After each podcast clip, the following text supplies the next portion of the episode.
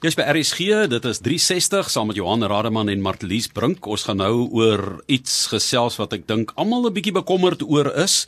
En uh, dit is in hierdie spesifieke week 13 tot 19 Junie waar ons oor wêreld uh, allergieë gaan praat, want dis wêreld allergieë week en hoe dit jou dalk raak in Suid-Afrika. Martlies, ek was Dinsdag in 'n ry daar by Park die Kap by Momentum daar in uh Belwel om my Pfizer vaksines te ontvang. Nou eerstens moet ek vir jou sê dat die mense wat die ouer mense wat ook daar in die ry was, want dit was 60 op, uh, hanteer het was absoluut ongelooflik. Ek wil vir hulle komplimenteer die empatie waarmee hulle gewerk het. Onthou daar kom mense aan wat struikelend en stammelend daar aankom, wat beswaarlik kan loop, wat al baie eh, siektes onderlede het en toestande onderlede het en jy kan eintlik amper die spanning en uh, die die die vrees aanvoel vir die proses waardeur hulle moet gaan en hulle het absoluut magnifiek uh, gedoen. Daar was 'n bietjie ironie vir my wat ek nou net met jou oop moet deel en met die luisteraar. Die ironie was as jy nou deur die hele proses gegaan het, Mondi is die man wat my ingespuit het. Hy is uh Zulu sprekend, maar ons het nou goed gekommunikeer. En sy hele storie was hy sê as jy nou die inspuiting kry, hy sê for 2 weeks no beer or whisky. Gelukkig niks van wyn gesê nie, sê ek te vir hom. Uh. Maar, maar in elk geval dan gaan sit jy mos nou 15 minute daar. Nou dit is in Momentum se gebou daar en hulle het 'n televisie waar hulle natuurlik nou bietjie van hulle produkte en so uh, verkoop en tentoonstel adverteer. En Dr Michael Mol is toe daar en hy ek het die Pfizer gehad en hy is daar onthou hy het nou nie beheer oor wat daar gespeel word nie.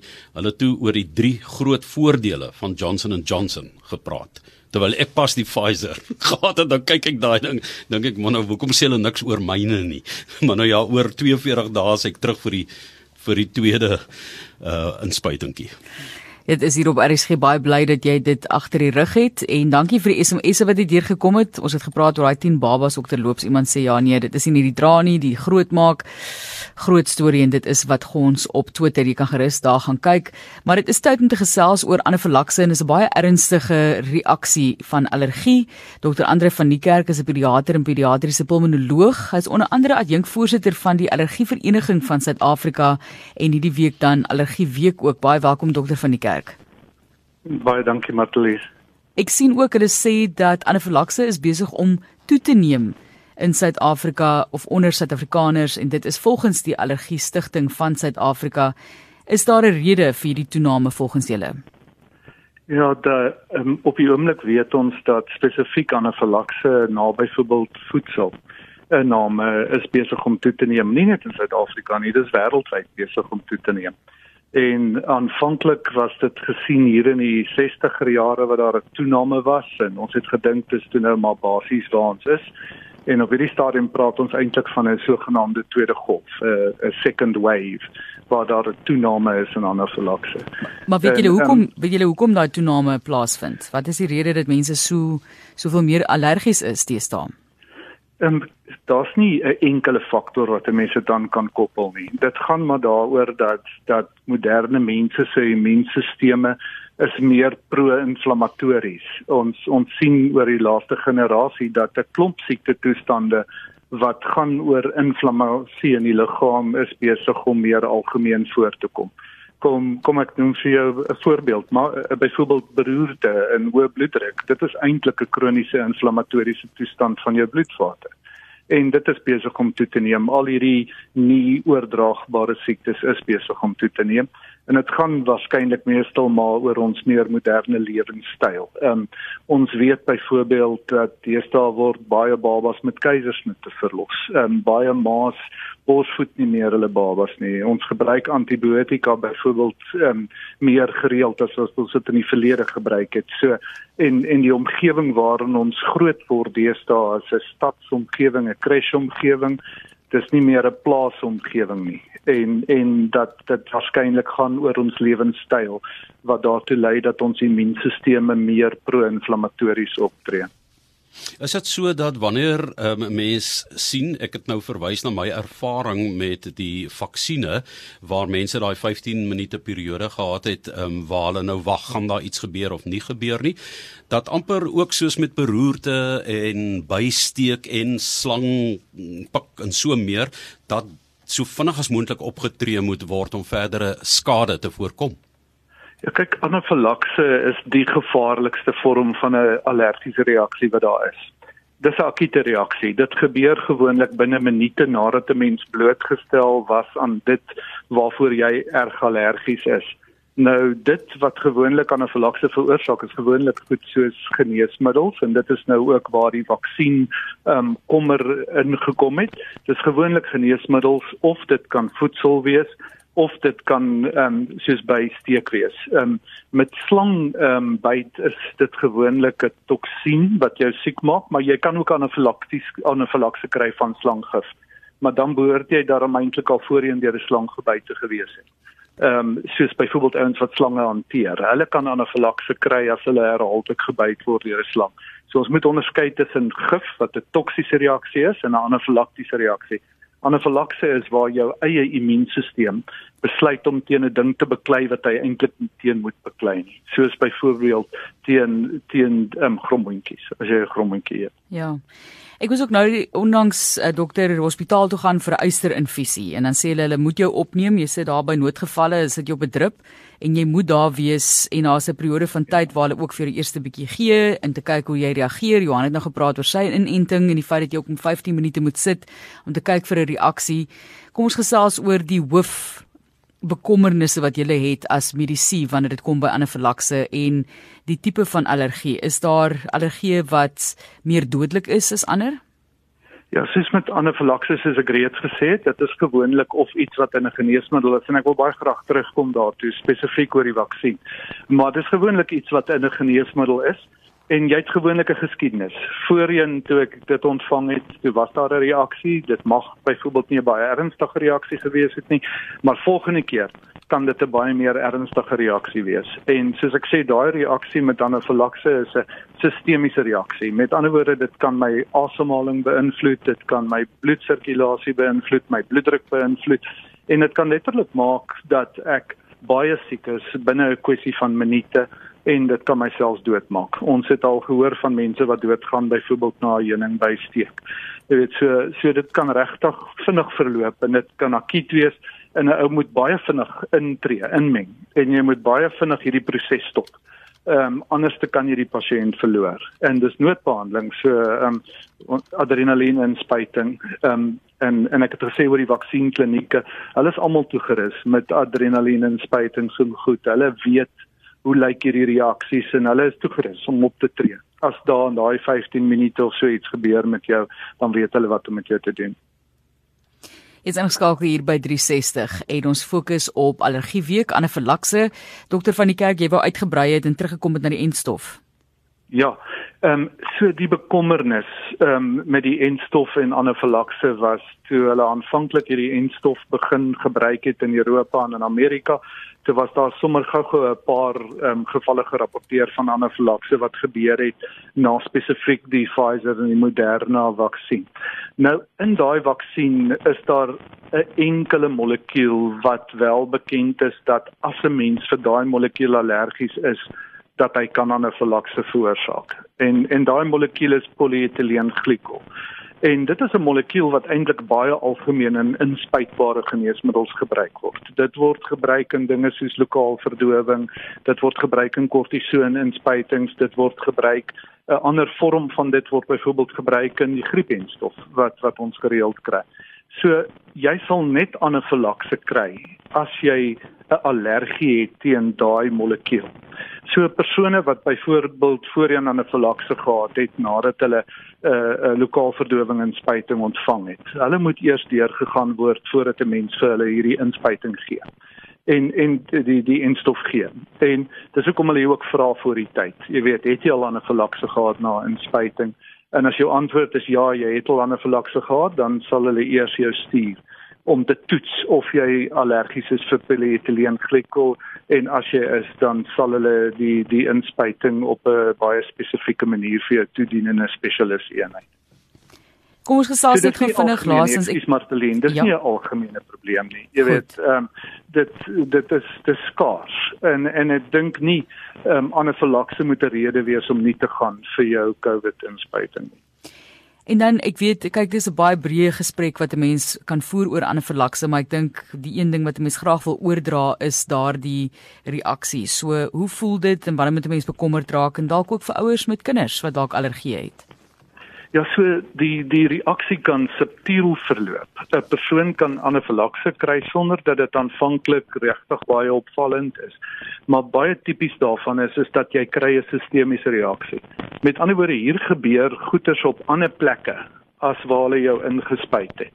So jy kan byvoorbeeld agterkom jy begin moeiliker asemhaal of jou keel begin te juk of jy hulle in jou arm ingespuit, maar nou begin jy naar voel en jy begin op te gooi of jy kry 'n veluitslag wat weg is van die plekke waar hulle jou ingespuit het. Jy kry die Engelse woord is hives. Ek dink my ouma het dit gaalbulte genoem jy kry hierdie rooi vel uitslag wat redelik vinnig kom oor jou hele liggaam.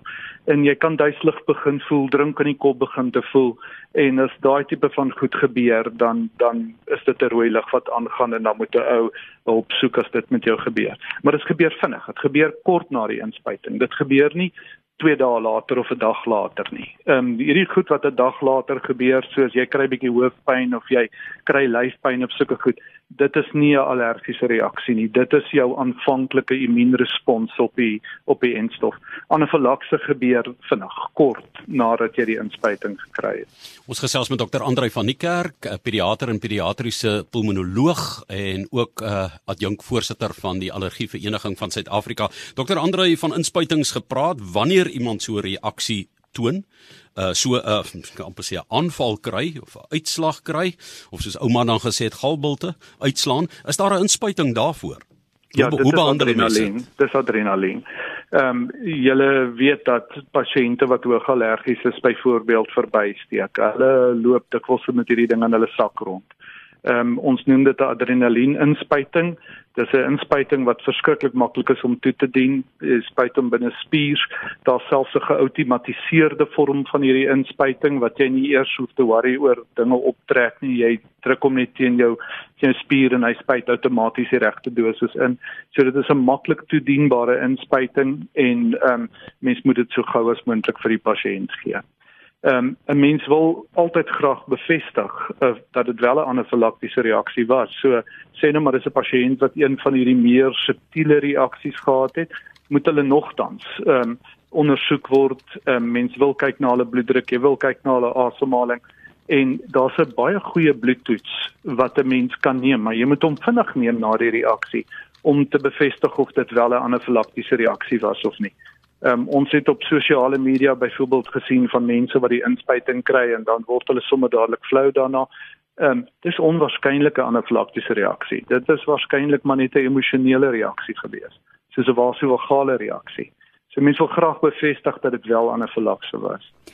Dokter, ek wil net laasens gou gevra het want mense is geneig om te sê ag, ek kan maar rondom bye, kom ons vat bye nou as 'n voorbeeld. Ek kan rondom ja. bye wees want ek is al gesteek hier by toe ek 'n kind was en ek was okay geweest, maar ons moet ook besef dat net omdat jy nie as kind allergies was nie, jy kan soos dat jy ouer raak wel allergieë ontwikkel. So dat mense net weer eens beklemtoon dat jy bewus moet wees van die tekens want dit kan ja. in jou latere lewe ook voorkom of hoe.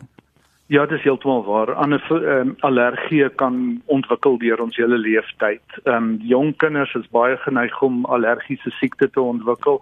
Ehm um, maar ouer mense kan dit ook ontwikkel. So ehm um, iets soos 'n bysteek byvoorbeeld, as 'n by ontsteek en daar waar jy gesteek het, is dit lekker seer. En um, dis nie allergiese reaksie nie, dis die gifstof, dis die toksien wat dit veroorsaak. En as dit nou môre nog steeds rooi en geswel is daar waar die by jou gesteek het, dan is dit nog nie 'n sistemiese allergiese reaksie nie.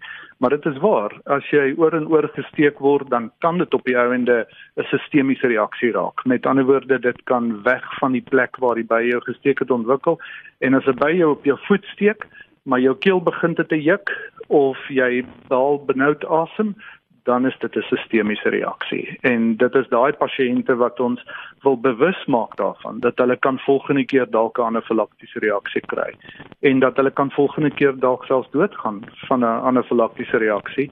En dit is daai pasiënte wat by iemand uitkom om getoets te word en te kyk wat is hulle risiko om 'n anafilaktiese reaksie te kry en daai ouens moet voorberei word daarop. Wat moet ek volgende keer doen as dit as dit met my gebeur?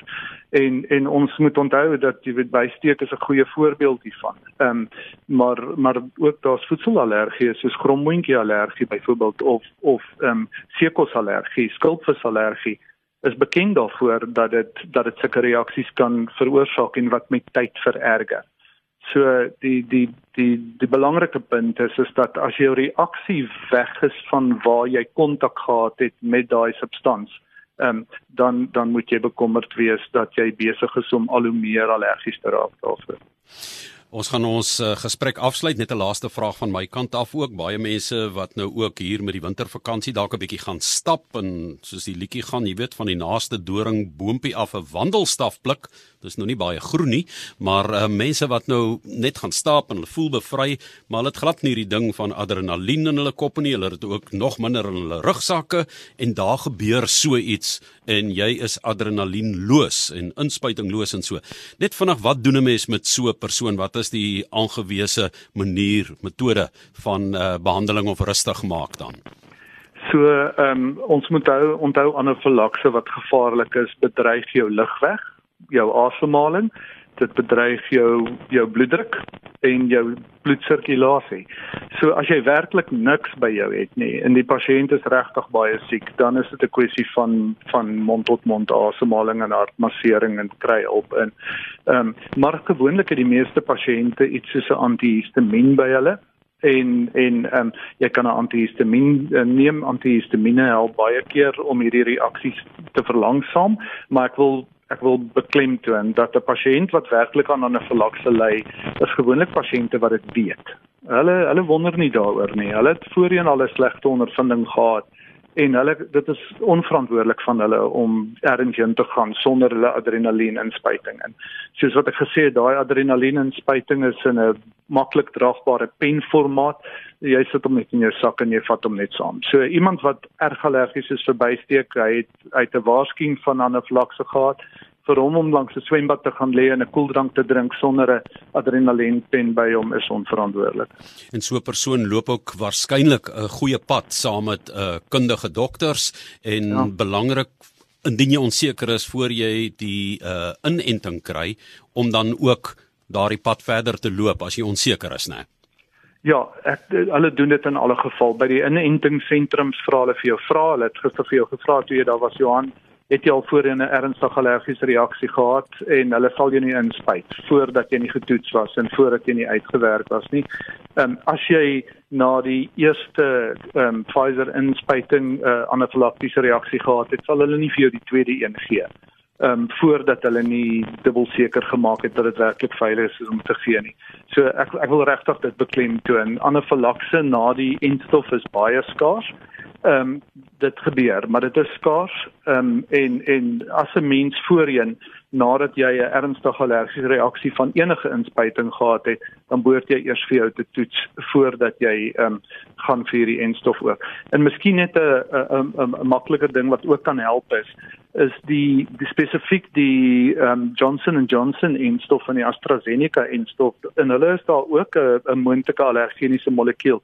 Maar daai selfde molekuul is in 'n baie um, hoër konsentrasie in jou gewone griepinspuiting wat ons elke jaar kry. So as daar niks met jou griepinspuiting gebeur nie, is dit hoog onwaarskynlik dat jy anafilakse gaan kry van van die AstraZeneca of die um, Johnson & Johnson enstof met die Pfizer. Ehm um, soos ek sê, as jy nie voorheen anafilakse gehad het nie, is dit eintlik hoog onwaarskynlik dat enigiets sal gebeur.